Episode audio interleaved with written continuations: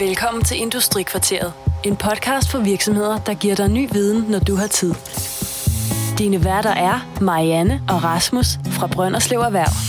Industrikvarteret. Ny viden, når du har tid. Velkommen til Industrikvarteret. I dag har vi besøg af Proeba fra Dennis og Else. Og velkommen til. Tak skal du have. Tak for det. Vi har lige haft jer over på den anden side af vejen og holdt oplæg omkring IT-sikkerhed, eller hacking, som jeg kaldte det. Men øh, kan jeg ikke få et par ord på jer først? Hvem I er, og hvad Proeba er for en virksomhed? Det kan du godt. Øh, Proeba er en virksomhed, som øh, laver cybersikkerhed.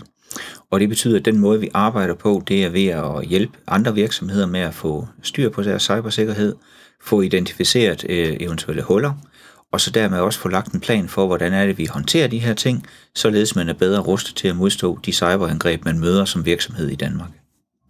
Og det gør I fra computeren derhjemme kun, eller hvordan arbejder I? Vi arbejder på forskellige niveauer. Øh, enten så er der selvfølgelig nogle ting, vi kan foretage hjemmefra. Øh, det er klart, internet er jo heldigvis opfundet.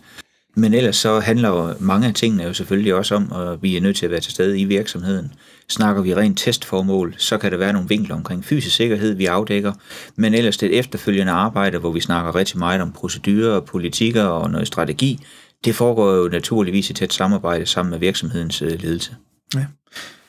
Da jeg satte øh, øh vores arrangement op over, der begyndte jeg at tænke i, hvordan skulle jeg øh, formidle det, og hvad var indholdet egentlig? Og ved, ved hacking, der forestiller jeg mig stadigvæk, det var også noget nævnt derovre, at det er øh, drengen i den sorte forvaskede hættetrøje med øh, cola, eller hvad han drikker efterhånden, der sidder ved siden af, der går ind og øh, tilrender sig adgang til andres maskiner. Men det er jo ikke sådan der i dag. Selvfølgelig ser vi dem, som man kan kalde script kiddies, altså unge mennesker, som finder noget på nettet, de kan bruge øh, i forsøg på at starte inden for det her med hacking. Men vi ser jo også trusler, øh, selvfølgelig fra udenlandske aktører, men så sandelig også fra almindelige danske aktører, øh, for eksempel ens konkurrenter. Hvor galt kan det egentlig gå? Desværre kan det jo gå rigtig galt. Vi oplever jo, kvæg vi har det på tæt hold, at virksomheder, der er blevet ramt, når vi kommer ud og kigger øh, i dem og hjælper dem med at komme på benene igen, så oplever vi jo ofte, at øh, de virkelig har, har gjort rigtig ondt, og selvfølgelig måske også, fordi man ikke har tænkt over, at det rent faktisk skulle ske for en selv, men også fordi man ikke har en eller anden form for en plan om, hvad er det, vi gør, når angrebet øh, står på hos os. Så får man typisk øh, panikket, men får lavet nogle øh, beslutninger, der ikke er velovervejet, og det gør måske endda skaden endnu værre, end man måske kunne have begrænset den til. Og det synes jeg, det er rigtig ærgerligt. Ja. Øh, rent konkret, hvor, hvor, hvor vil jeg blive ramt som virksomhed? Altså, det, jeg kan tænke umiddelbart, det er webshop, det er hjemmeside, det er økonomisystem. Altså i, i vores optik kan alle jo være et mål. Altså enten kan det jo være et direkte mål, det vil sige, at nogen sidder og kigger specifikt på dig, eller også kan du være et indirekte mål, hvor du bare bliver ramt af, af hvad skal man sige, spredhavl faktisk. Og det kan faktisk ramme alle dele af dit, af dit IT-miljø, uanset om vi snakker webshop, eller vi snakker interne systemer, eller hvad det måtte være. Det, der bare er vigtigt at have for øje, det er jo, at man er nødt til at kigge på os og sige, hvor er det, vi kan være sårbare henne? Hvad er det for nogle systemer, der har betydning for os som virksomhed, i lige netop vores virksomhed? Det er dem, man er nødt til at adressere, og dermed finde ud af og sige, hvordan kan vi gøre dem mere robuste over for de her angreb, som vi uvilkårligt vil komme til at møde. Ja. Så det vil sige, der, der er angreb, hvor det er øh, den personlige del, altså hvor det er mig som individ, der bliver hacket eller forsøgt hacket, men der er også den, hvor at det faktisk er mig som Rasmus Pedersen, privatperson, der bliver forsøgt hacket for at få adgang til data hos øh, Brønderslev Erhverv. Det er klart, at alle medarbejdere øh, er jo nogen, som man typisk kigger på. Øh, de kriminelle sidder jo også og kigger på, er der nogle medarbejdere, vi kan ramme? Fordi tit og ofte, langt de fleste tilfælde, de starter jo med en eller anden form for kommunikation, for eksempel via mail, opkald eller andet til medarbejdere. Om man så tilgår øh, dem via arbejdspladsen, eller man tilgår dem privat, der har de kriminelle jo ikke rigtig nogen følelser med det. De er jo egentlig iskolde og vil egentlig bare gerne øh, nå deres mål. Ja, så det er hver en vej, der er tilgængelig. Ja, altså det handler jo i dybest set om for, for cyberkriminelle, så handler det jo om at nå øh, målet med mindst mulig indsats. Ja. Nu, øh, det oplæg, I havde derovre, øh, jeg havde egentlig troet, at det ville være mere fokus på fjernhacking, altså at det ville være tilegnet sig adgang til, øh, til virksomheden via, ja, hvordan skal jeg sige, typisk ser i film, at der sidder en hacker i et mørkt kælderlokale og hacker sig ind ved en virksomhed. Men der var faktisk meget af det fysiske, I havde med os. Ja, altså det er, jo, det er jo vigtigt at huske på, at selvfølgelig udgør, øh, hvis man skal kalde det fjernhacking, men det her med, at man sidder og tilgår eller forsøger at tilgå systemer over internettet, det udgør selvfølgelig en trussel. Men når vi snakker sikkerhed, så er vi jo nødt til at kigge på det i flere forskellige niveauer. Vi har øh, både den organisatoriske sikkerhed, vi har den tekniske sikkerhed, og vi har den menneskelige sikkerhed. Og indimellem det, der kommer der også fysisk sikkerhed ind. Og fysisk sikkerhed, det må vi bare erkende, det er meget undervurderet. Fordi rigtig mange har jo en forhold til at sige, at vi skal snakke cybersikkerhed.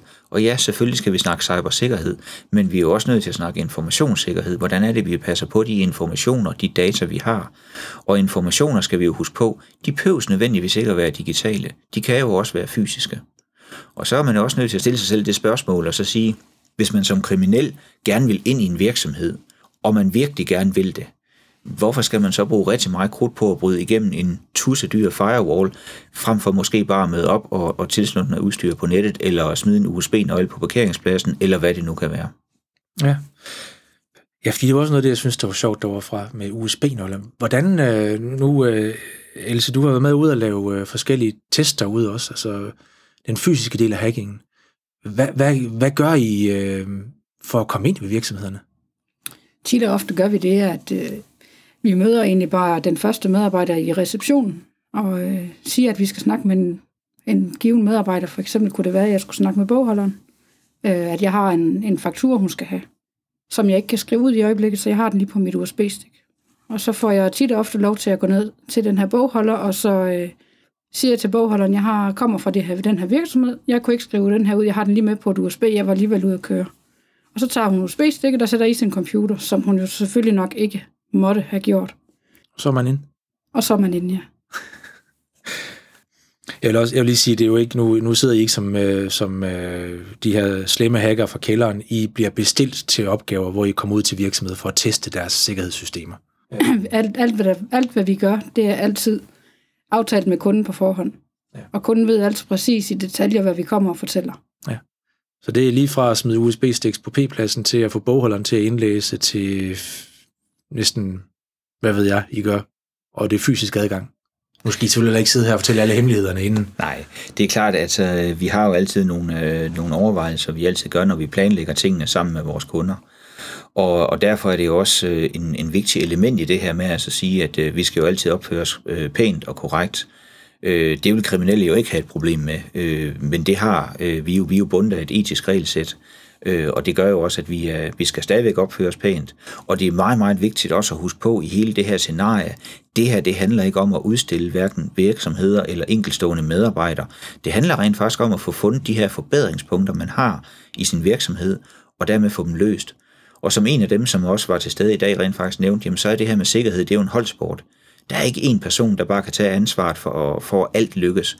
Vi er nødt til at hjælpe hinanden. Selvfølgelig er der nogle personer, som skal have det overordnede ansvar, men vi er nødt til alle sammen at være fælles om at nå målene, for at blive bedre til at ruste os mod cyberangreb. Ja. Øhm, hvordan øh, ser I, at virksomhederne, er der alternative måder at bruge det her på, med at få bestilt en, en test fra jer? Jamen altså, jeg vil sige, det bedste eksempel, jeg har, øh, er rent faktisk, hvor en, øh, en erhvervsleder øh, vælger at entrere os til at lave en øh, meget omfattende test af virksomheden.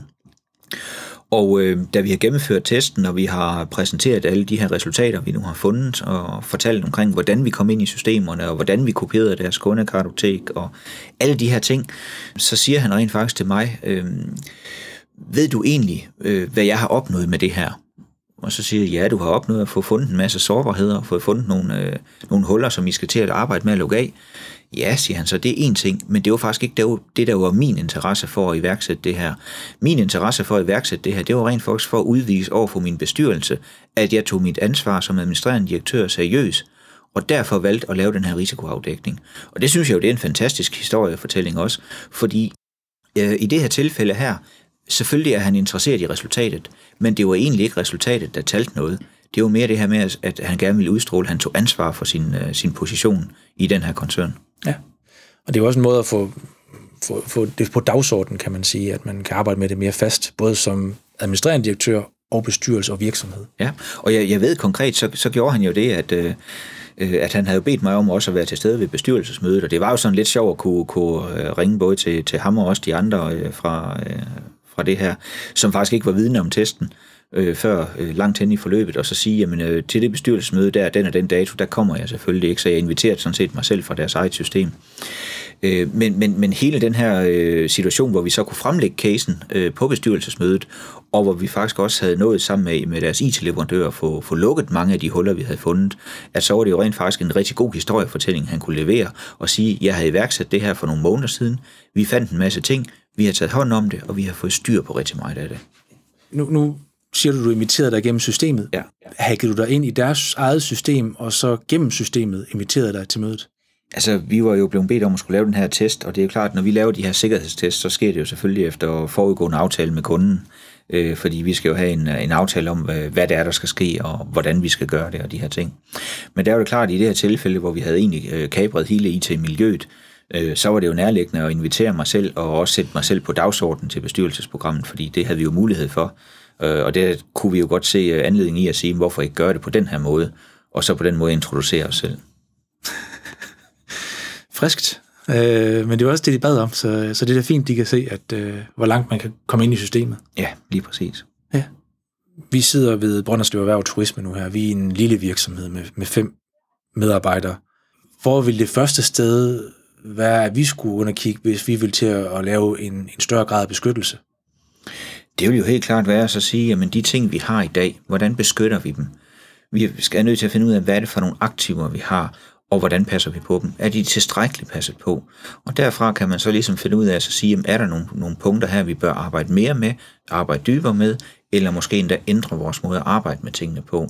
Og det er jo alt lige fra processer til rent faktisk den tekniske beskyttelse med at sige, har vi rent faktisk den tekniske beskyttelse, der er godt nok, eller er vi nødt til også at skal vurdere om at sige, jamen vi er rent faktisk nødt til at lave nogle forbedringer. Ja, så, så det første er at gå ind og kigge på, hvad har vi af, af ting, der er værdi i virksomheden, og det er både lige fra, hvad der står på bankbogen, til om vi har nogle bestemte data, der er vigtige at beholde, om, øh, om vi får lavet backup af økonomisystemet. Både af økonomisystemet, men også altså, behandler i persondata, så er der jo lige pludselig noget, der hedder behandlingssikkerhed, som vi er forpligtet til, som dansk virksomheder skal efterleve øh, i forbindelse med også GDPR. Ja, og der er det data, vi ikke så gerne skal få sendt andre steder hen i systemet, men også kunne beholde også kunne beholde og kan også øh, på en eller anden måde ligesom sige, at vi har lavet de fornødne tekniske og organisatoriske foranstaltninger for at passe på vores ting. Og det her med, med de passende tekniske og organisatoriske foranstaltninger, det er jo i virkeligheden sådan lidt som elastik i metermål. Fordi hvis ikke vi gør noget konkret for at finde ud af, om det er tilstrækkeligt, så ved vi jo ikke, om det vi gør, det er godt nok. Ja. Hvor ser I typisk, at man som, øh, som virksomhed bliver ramt? Når det går galt i en virksomhed, hvor, hvad er kilden så? Så rigtig mange gange hører man jo, at det altid er, er menneskernes skyld. Og vi må jo også erkende, at hovedparten af angreb, øh, de starter jo altid med, at, det, at man på en eller anden måde involverer mennesker. Og det er jo også det, som Elsa for eksempel siger, det her med, at det er ikke nødvendigvis sikkert, at det behøver at være en fysisk vinkel. Det kan lige sådan være det her med en e-mail, der kommer, som lokker med en eller anden gevinst, eller man lige skal ind og kigge på et dokument, og så skal man lige opgive sit brugernavn og sin adgangskode, og så tænker man måske ikke mere over det, og så er det egentlig derfra, at, at, øh, at hvad skal man sige, angrebet er startet. Ja. Jeg kan se, at øh, her på kontoret, der er, vi, øh, der er vi ramt meget af de her farlige nogen med øh, webkameraer, der de poster optager. Den seneste, jeg har fået, det er med, hvor der står i det mine gamle adgangskoder i. Ja. At øh, de gør opmærksom på, at jeg er blevet optaget, mens jeg lavede noget gris, øh, og at, øh, at den her kode har jeg brugt, så jeg kan bare sige, at den er god nok, og jeg skal overføre til en eller anden øh, bitcoin-konto. Nu er det noget, som, som jeg jokede med på kontoret, da det skete, og det var noget, som jeg fundet ud af også efterfølgende var en god ting, jeg gjorde, for jeg havde en kollega, som man kunne sige, hun blev helt lettet bagefter, fordi hun havde fået en mail også, at hun havde lavet noget gris foran kamera eller foran computeren, og det var blevet optaget, og de havde det på hende. Og det var med navns nævnelse, hun stod der i. Så det med at høre, at det bare var, at jeg også havde fået den, og jeg tog så relativt let på det, som jeg gjorde, der blev hun sådan lettet, og så skulle hun ikke være bange for, at der var optaget noget af hende og det er jo faktisk også meget af det her, som det sikkerhedsarbejde, vi gerne vil arbejde med, øh, det handler om.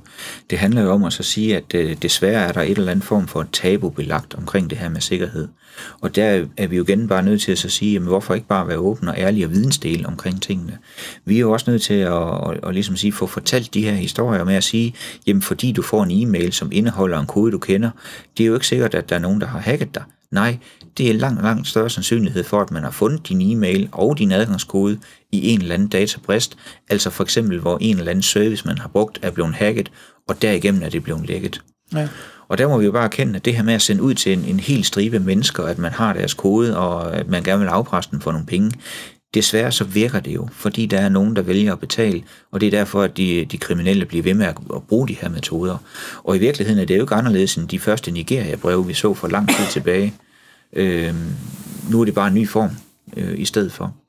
Ja. Og det er jo også derfor, vi kan se det her med, at, at for eksempel når øh, nogle af vores kollegaer øh, eller et eller andet sender nogle mail ud, vi kan også se det her med, at, at, at når det er, man er med i sådan en databrist, så er det jo også desværre derfor, at, øh, at det nogle gange lykkes øh, for de kriminelle at, at tilgå andre af ens konti, fordi man måske bruger det samme kodeord til forskellige services.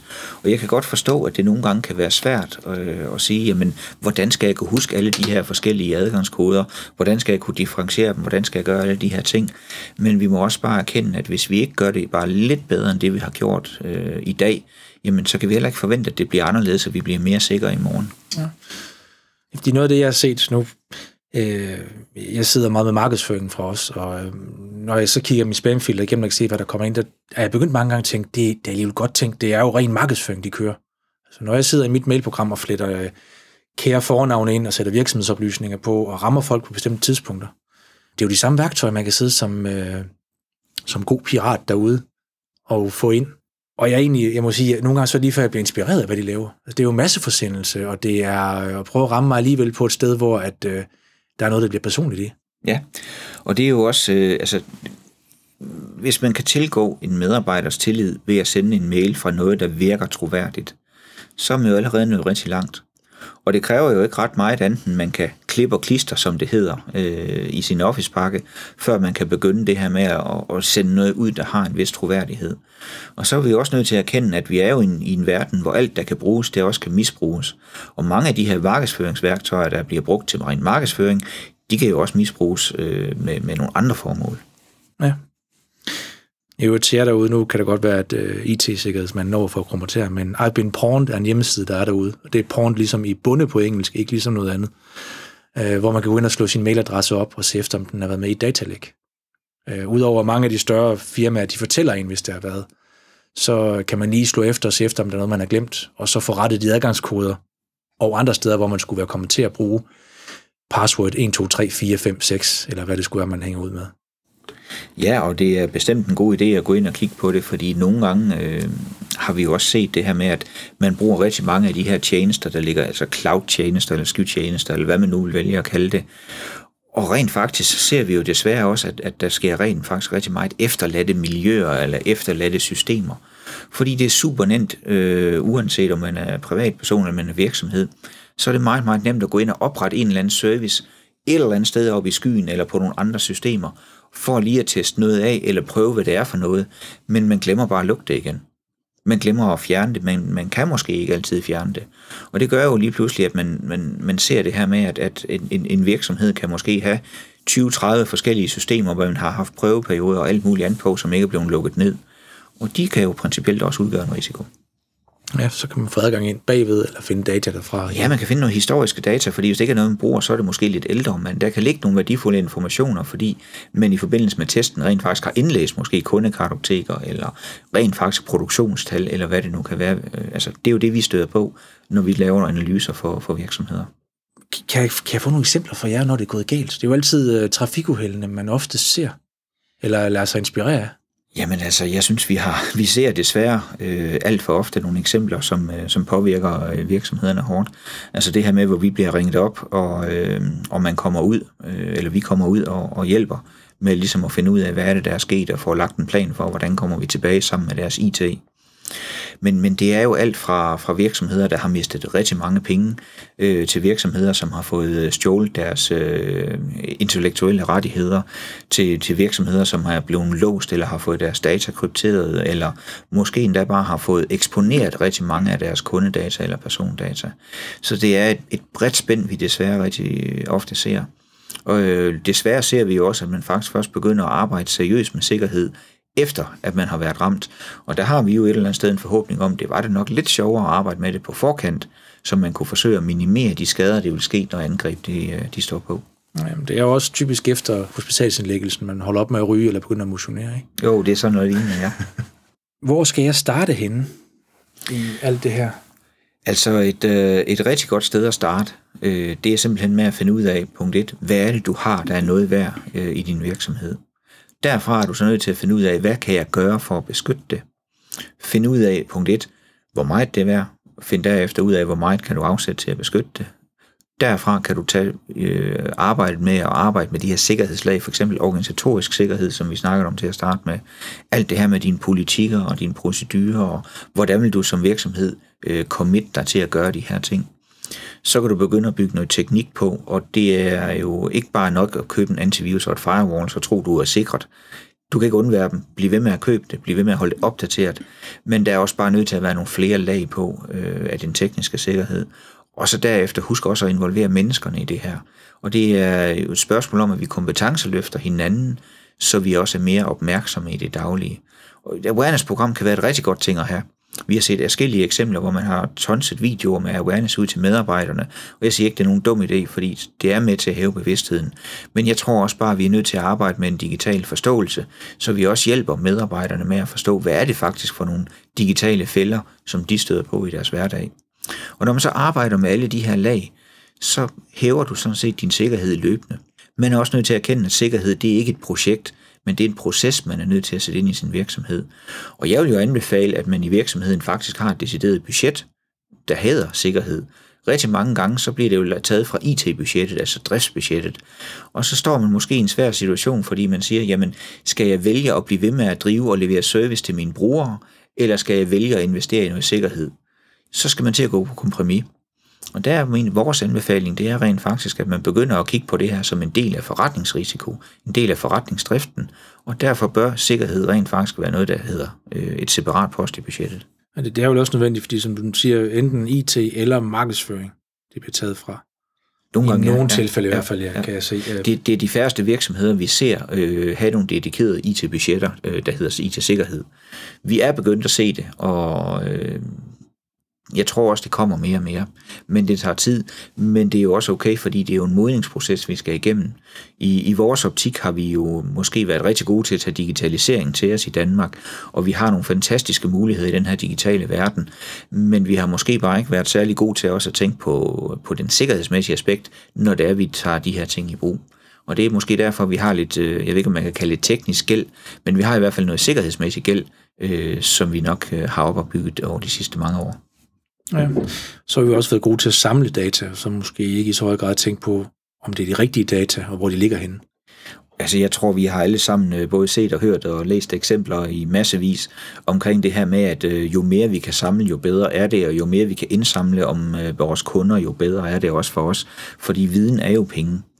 Men vi må jo også bare erkende i forbindelse med at, øh, for eksempel GDPR, så er vi jo lige pludselig blevet tvunget mere ud i, at vi også skal retfærdiggøre og redegøre for, hvorfor er det, vi skal have de her data. Og det giver måske også i hvert fald i, i vores optik giver det rigtig god mening, at man begynder at redegøre for os at sige, jamen det er ikke længere nok bare at sige, det kunne være rart at have, men vi skal rent faktisk have en konkret grundlag for at have dem. Og det er jo klart, det hjælper jo selvfølgelig også på det, fordi skulle der ske en databrist eller en datalæk, jamen så handler det jo om, at man minimerer øh, den konsekvens, det har, både for virksomheden, men selvfølgelig også for øh, enkeltstående personer, hvis vi snakker persondata. Ja. Og det sætter også fokus på, at nu kan man sige, så begynder det med GDPR, der er kommet ind. Så giver det pludselig mening ikke at få CPR-nummer. Altså, øh, hvis, ikke, hvis ikke man har øh, nogen som helst form for, for, for hjemmel, som det hedder, til at skal have CPR-nummer eller indhente CPR-nummer, så er der jo overhovedet ingen grund til at have dem. Men, men vi har jo desværre set, at for at kan købe et par sko, så skal du jo oplyse stort set alt. Øh, og det giver jo bare ikke mening, i hvert fald ikke i, i min optik. Nej, fuldstændig enig. Er der et sted, hvis jeg gerne vil vide endnu mere omkring IT-sikkerhed, er der et sted, hvor jeg kan gå ind og læse op på sådan det grundlæggende? Altså generelt synes jeg jo, at medierne har været rigtig gode til at, øh, at have fokus på IT-sikkerhed øh, over de sidste øh, stykke tid. Det er blevet bedre. Vi er jo lige kommet ud af oktober måned, som har været national cybersikkerhedsmåned. Og det er jo første gang Danmark er med der. Og jeg synes jo, det er glædeligt, at vi har lavet et nationalt initiativ, som både Erhvervsstyrelsen og Digitaliseringsstyrelsen øh, stiller op om. Vi har selv valgt også at, øh, at støtte op omkring cybersikkerhedsmåneden ved at tilbyde øh, arrangementer omkring cybersikkerhed, hvor vi kommer ud og fortæller om det. Og det har jo været ganske gratis at, øh, at, at benytte sig af. Øhm, jeg kan så bare godt blive ærgerligt, at når man står i en forsamling, hvor der måske er øh, et sted omkring 50-60 virksomheder, og så man spørger ud og så siger, hvor mange er rent faktisk klar over, at denne måned, altså i sidste måned oktober, er National Cybersikkerhedsmåned. Og så er der måske en, der rækker hånden op. Så selvom man fra både Digitaliseringsstyrelsen og Erhvervsstyrelsen og medierne faktisk har været forholdsvis god til at, at, at forsøge at sætte fokus på det, så er det alligevel ikke slået igennem. Det er ikke noget ud til virksomhederne. Og det synes jeg jo faktisk, det er, det er lidt en skam. Det er ikke fordi, jeg har en løsning på, hvordan det skal gøres. Men, øh, men jeg tænker det her med at så sige, at man skal jo holde sig selvfølgelig opdateret om, hvad der sker. Men det handler måske også om, at man selv skal komme lidt mere ud af, af busken og søge den rådgivning, som man dybest set har brug for. Jeg vil sige, det er faktisk det, jeg har et spørgsmål nu. Er der noget, I brænder ind med? Altså, øh, vi vil jo egentlig bare ønske, at man som både som privatperson, men også som virksomhed, øh, passer rigtig godt på sig selv. Desværre øh, har det jo altid nogle øh, forholdsvis alvorlige konsekvenser, øh, når man bliver ramt. Og derfor er vores budskab jo faktisk egentlig, at, øh, at man bør tage det her seriøst, og man bør arbejde målrettet med det. Det er trods alt bedre at være forberedt og være klædt på til at kan, kan håndtere de her ting, man møder, end at man lige pludselig bare bliver øh, ramt, og det gør virkelig ondt og har måske øh, fatale konsekvenser, enten for ens øh, private forhold eller ens øh, erhvervsmæssige forhold. Øh, det vil være en skam. Ja. Så, så kun en opfordring til, at man, man virkelig tager det her seriøst. Og det skal jo komme op fra i virksomheden. Altså det er jo i vores optik ledelsen, øh, som skal sørge for at tage ansvar på det her. Og man kan ikke bare outsource sit ansvar. Og ansvaret forsvinder jo heller ikke, fordi man lægger sin data ud ved Office 365, eller Amazon, eller Google, eller hvor man nu lægger det. Ansvaret forbliver jo i virksomheden, fordi cloud-løsninger er jo bare et eller andet sted et spørgsmål, man gemmer sine ting et andet sted. Ja. Der var som en, der sagde derovre, at der, der findes ikke skyen, der findes kun andres computer. Lige præcis. Mange tak for jeres tid, og Jamen, selv tak, tak, for et godt arrangement tidligere. Så, øh, så tak til dig, Dennis, og tak til dig, Else. Velkommen. Og øh, vi tales ved. Og til jer derude, jeg håber, I har haft et, øh, et spændende podcast at lytte til nu her. Vi tales ved. Hej. Du har lyttet til Industrikvarteret. Industrikvarteret produceres af Brønderslev Erhverv og sendes gratis til inspiration for dig. Vil du høre tidligere episoder, kan du hente dem på brønderslevererhverv.dk eller iTunes. Der kan du også abonnere på dem som podcast. Du kan kontakte os på erhvervsnabelag 99 3x45.dk eller på telefon 99 45 52 00.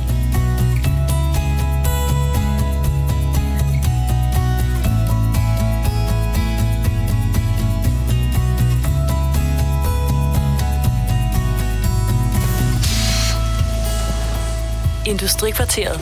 Ny viden, når du har tid.